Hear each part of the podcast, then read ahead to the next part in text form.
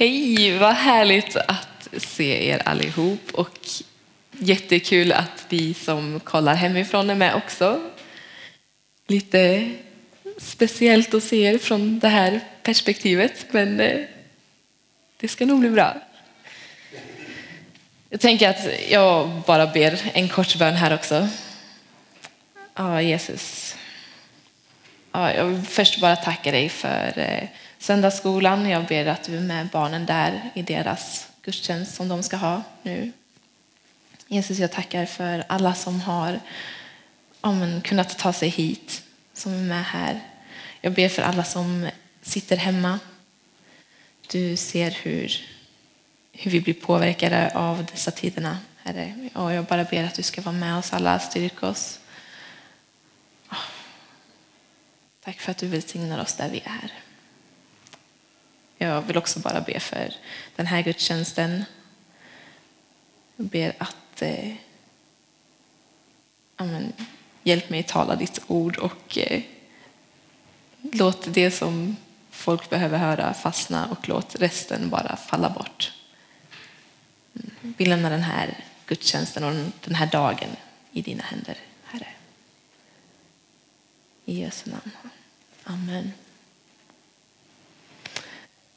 Ja, alltså ja, jag känner mig lite så här, åh, lite nervös.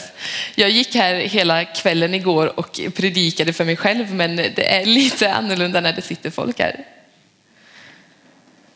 Men, men. Det är så att hemma på mitt nattduksbord så har jag en skylt. Jag tog faktiskt med den här. Eh, och där står det, vi går inte till kyrkan, vi lever den.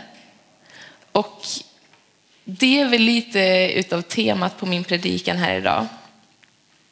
Ehm, och jag har den här skylten för att ja, men varje dag påminna mig om att leva ut min tro och om hur viktigt det är för oss att ständigt leva i en kristen gemenskap.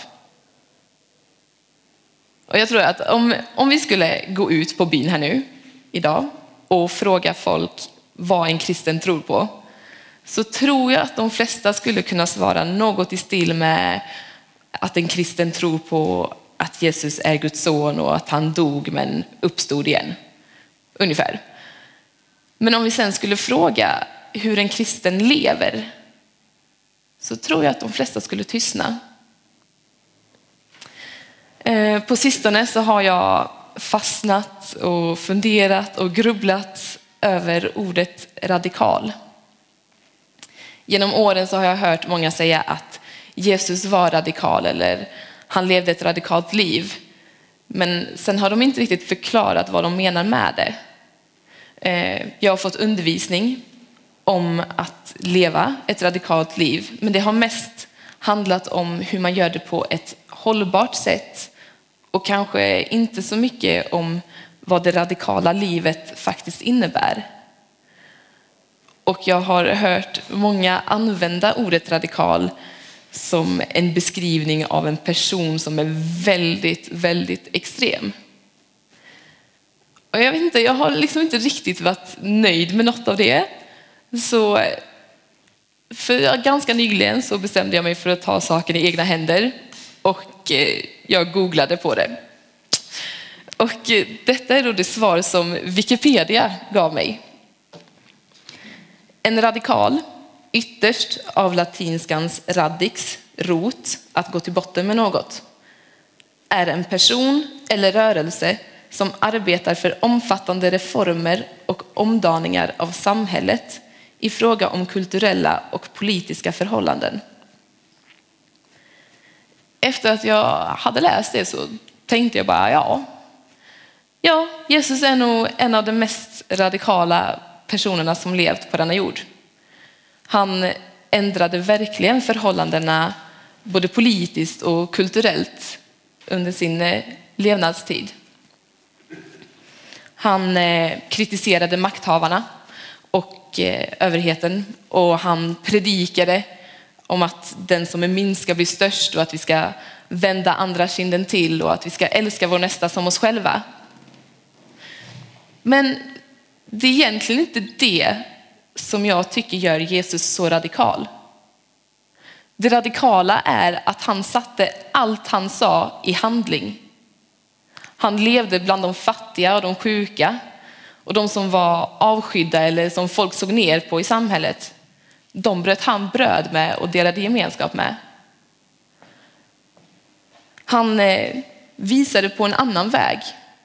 Ett sätt att leva som verkligen förkroppsligade Guds rike. Alltså, vi lever i stort sett som alla andra i dagens samhälle. Och bara för att förtydliga så menar jag inte att det är fel med liksom villa, Volvo, vovve-grejen, utan det är helt okej. Okay. Men vi har inte visat att det finns ett alternativt sätt att leva på. Vi måste någonstans liksom gå till botten med vad ett liv tillsammans med Jesus innebär. Jesus säger till oss, jag är vinstocken, ni är grenarna. Om någon är kvar i mig och jag i honom bär han rik frukt. Utan mig kan ni inget göra. Och alltså, vi måste leva i honom som är roten så att vi kan få frukt i vårt liv. Så att vi kan bli vanliga radikala kristna. Alltså kristna som lever nära roten helt enkelt. Och när vi väljer att bli hans lärjungar så väljer vi egentligen en väldigt radikal livsstil också. Men i all vår bekvämlighet idag så tror jag att vi har glömt bort det. Sören Kierkegaard, en teolog och filosof som levde under 1800-talet, skrev så här en gång. Saken är mycket enkel. Det är mycket lätt att förstå Bibeln. Men vi kristna är en hop listiga bedragare. Vi låtsas inte kunna förstå den eftersom vi mycket väl vet att den stund vi förstår blir vi tvungna att leva som Bibeln lär. Ta vilket ord som helst i Nya testamentet och glöm allt utom att lova dig själv att du ska omsätta det i handling. Men gode Gud, säger du, gör jag det kommer hela mitt liv att bli förstört. Hur ska jag någonsin komma någon vart i världen? Det är här den kristna lärdomen kommer in i bilden. Den kristna lärdomen är kyrkans fenomenala uppfinning för att försvara sig mot Bibeln, som garanterar att vi kan fortsätta vara goda kristna utan att Bibeln blir för närgången och ovärderliga lärdom, vad skulle vi ta oss till utan dig? Det är fruktansvärt att falla i den levande Gudens händer. Ja, det är till och med fruktansvärt att vara ensam med Nya Testamentet. Och kanske är det lite så. Vi djupdyker i Bibeln för att tolka texter och diskutera olika svåra frågor. Alltså, alltså missuppfatta mig inte, för jag tycker det är jätteviktigt att läsa Bibeln. Jag tror att det är Guds ord till oss. Jag tror att han talar till oss genom det. Jag tror att han vill att vi ska förstå sammanhanget och innebörden av den, absolut. Men kanske att det ibland blir en ursäkt för oss att inte göra det Bibeln, det Gud faktiskt säger åt oss att göra. Jag tror inte att själva den kristna tron eller den kristna läran lockar så mycket människor. Människor är inte så intresserade av en religion som inte har någonting att säga till den här världen. Som bara har liv efter döden att erbjuda. När många kanske egentligen frågar sig ifall det finns något liv att leva före döden. Vi kanske behöver fråga oss själva också ifall vi skulle följa Jesus även om det inte finns någon himmel eller något helvete. Skulle du följa Jesus för den glädje och frid och kärlek som han ger dig just nu i det här livet? Om svaret på den frågan är ja, så är det värt att leva ett liv tillsammans med Jesus. Oavsett vad som händer sen. Och inte bara för oss som kristna, utan för alla människor. Dessutom så är jag väldigt övertygad om att Jesus inte bara kom hit för att förbereda oss på att dö, utan för att faktiskt lära oss hur vi ska leva här och nu. I Apostlagärningarna kapitel 2, vers 44 eh, och framåt står det så här om den första kyrkan. De troende fortsatte att samlas och hade allting gemensamt. De sålde allt vad de ägde och hade och delade ut åt alla efter vars och ens behov. De höll samman och möttes var dag troget i templet och i hemmen bröt de brödet och höll måltid med varandra i jublande uppriktig glädje. De prisade Gud och var omtyckta av hela folket och Herren lät var dag nya människor bli frälsta och förena sig med dem. Alltså det jag vill komma fram till här, det är inte att ni ska gå hem och sälja allting efter gudstjänsten, utan det är snarare att de första kristna hade en solidaritet och en kärlek för varandra som vi kanske inte ser så ofta idag. Alltså, vi har växt upp och vi lever i ett samhälle som är oerhört präglat av individualism. Alltså, idag handlar det så mycket om självförverkligande. Sätt dig själv först och så länge du uppnår dina mål och dina drömmar så spelar det andra inte så stor roll. Men det är så långt ifrån vad Jesus lär oss. Han uppmanar oss att älska vår nästa, att älska våra medmänniskor och att ja, sätta andra för oss själva. Men samhället matar oss också med budskap såsom att eh, ensam är stark och jag kan själv. Och jag vet inte hur det är med er, men jag har så lätt för att falla in i det tankesättet. Alltså vissa saker ska jag bara klara själv och om jag inte gör det så alltså, är jag misslyckad. Och ibland kan det liksom kännas ja, men, lite jobbigt och nästan pinsamt att behöva be om hjälp och vara beroende av någon annan än mig själv. Men det är inte så vi är kallade till att leva. Paulus skriver i Romarbrevet att vi inte ska anpassa oss efter denna världen, för vi tillhör ett annat rike. Det är kanske inte så konstigt att de första kristna blev kallade vägens folk. De visade på den sanna vägen, alltså Jesus.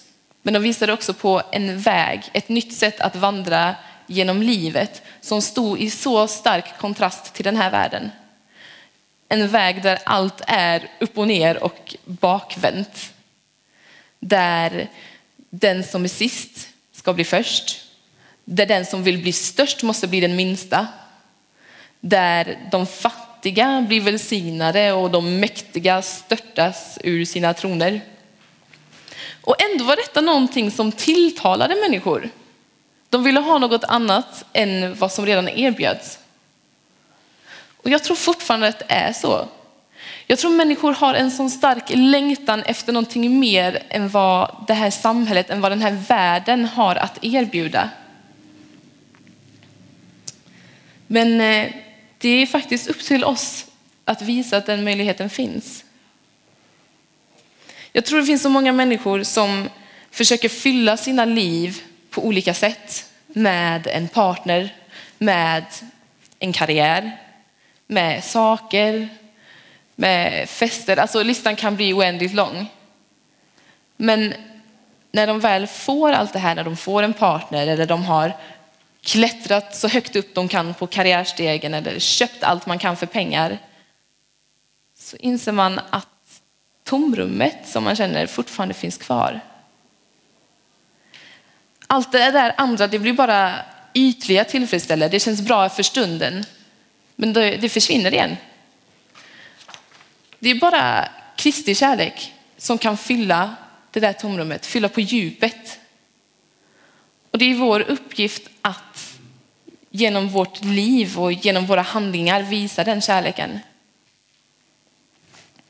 I Jakobs brev eh, kapitel 2, vers 14 till 18 så skriver han Mina bröder, vad hjälper det om någon säger, ha, eh, säger sig ha tro men inte har gärningar? Inte kan väl tron rädda honom?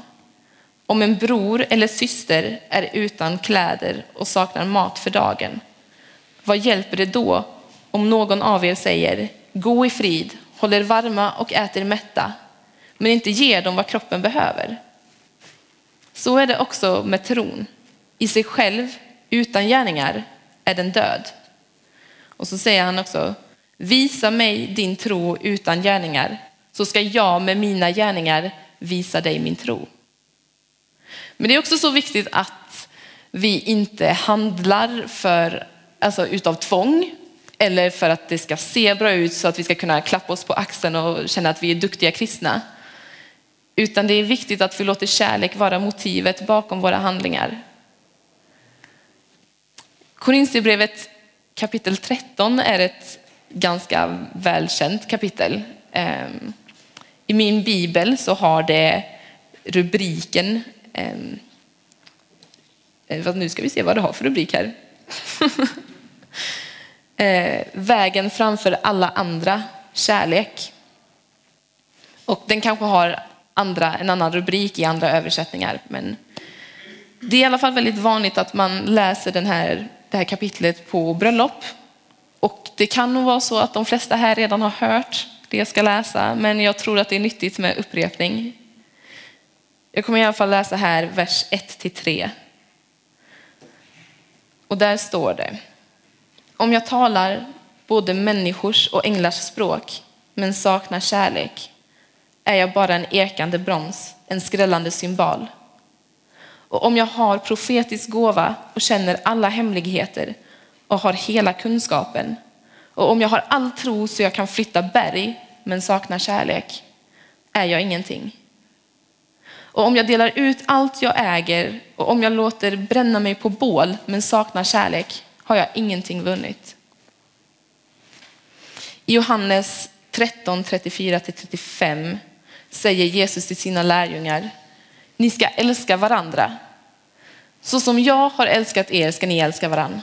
Och alla ska förstå att ni är mina lärjungar om ni visar varandra kärlek. Och det är den kärleken som vi är kallade till att leva i och att leva ut. Och ja, men vi ska leva ut den på ett sådant sätt att när människor kommer till oss och vill veta vem Jesus är så svarar vi inte i första hand att han är Guds son eller han är vår Herre. Utan jag önskar att vi kunde leva i och ut den kärleken på ett sådant sätt så när folk frågar så kan vi säga kom och se. Låt mig visa dig Jesus i kött och blod. I Korinthierbrevet 3 och 17 står det om att Guds tempel är heligt och att vi är det templet. Vår kropp är Guds tempel. Vi är Kristi kropp och inte bara på ett symboliskt sätt. När Paulus i Galaterbrevet säger jag har blivit korsfäst med Kristus men jag lever, fast inte längre jag själv. Det är Kristus som lever i mig. Så tror jag ändå att han bokstavligen menar vad han säger. Vi är Jesu levande kött och blod genom den helige ande. Vi är Guds händer och fötter här på jorden. Vi är alla en del av kroppen och vi har alla en speciell funktion som del av den. Men vi behöver också alla varandra för att få en hel och fungerande kropp. Ibland kan jag uppleva det som att vi nästan ja, men plockar isär kroppen. Men fortfarande eh, förväntar vi oss att varje kroppsdel ska alltså, vara fullt funktionell för sig. Men ett öga för sig är bara ett öga. Om det inte sitter fast i kroppen och ger det syn. Och eh, ja, men en fot för sig är bara en fot. Om det inte sitter fast i kroppen och får den att gå framåt. Och vi kan inte gå runt och vara enskilda kroppsdelar. Vi måste liksom sätta ihop kroppen igen. Vi måste väcka Kristi kropp till liv. Och det är så lätt hänt att vi i vår vardag alltså kanske distanserar oss, att i vår vardag så blir vi de här enskilda kroppsdelarna. Och sen sätter vi ihop kroppen lite igen när vi träffas i våra olika verksamheter i kyrkan eller går på våra gudstjänster. Jag tror inte det är så det är meningen att det ska vara. Kyrkan är inte någonting vi ska gå till en timme varje söndag. Kyrkan är inte en byggnad med torn, uppenbarligen. Liksom. Men eh, kyrkan är någonting vi är, du och jag tillsammans. En organism snarare än en organisation. som bara får andas ut Guds kärlek för den här världen. Så jag vill liksom bara uppmuntra er till att hjälpas åt att leva ut kyrkan tillsammans. Ja, men där vi är, på det sätt vi kan, till alla runt omkring oss. Och alltså, ja, det här är ju ett ämne som jag tycker är jättekul och jag skulle kunna prata om detta hur länge som helst. Eh, men det ska jag inte göra. Jag ska snart sammanfatta det. Men jag vill också bara säga att om det är någonting som ni funderar på kring det jag säger här så får ni ju jättegärna komma och prata med mig efteråt. Och ni som sitter hemma, ni får gärna kontakta mig om det är så. Men bara för att försöka sammanfatta det jag vill ha sagt här så är det att du är Kristi kyrka där du är, alltid. Och vi får vara Kristusgestalter. Vi får vara Jesu levande kött och blod eftersom att han bor i var och en av oss genom den heliga ande. Och vi behöver alla varandra för att göra kyrkan levande. Och bäst av allt är att vi behöver inte göra detta själva. Vi behöver inte spänna våra egna muskler och gå i egen kraft. Utan vi behöver bara vara fasta i roten. Vi behöver bara vara kopplade till roten som är Jesus Kristus. Ja. ja, Jesus, jag vill bara tacka dig för att du är med här nu. Jag bara ber att du ska fylla oss med din, med din kärlek för varandra, för människor runt omkring oss. Jag ber att du ska ge oss kraften och frimodigheten att gå ut och leva ut din kyrka där vi är, i de olika sammanhang där vi är. Ja, Jesus.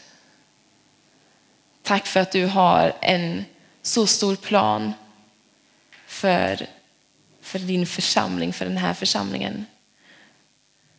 Ja, tack för att du har en så stor plan för Hörby, Jesus. Ja, jag bara ber att du hjälper oss att stå rakryggade för dig. Hjälp oss att sprida din kärlek och ditt evangelium vidare till andra. Mm. Jesus.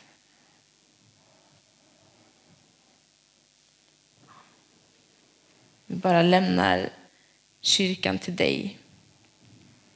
Hjälp oss att vara, men, vara fasta i dig som är roten. Jesus. Ditt namn. Amen.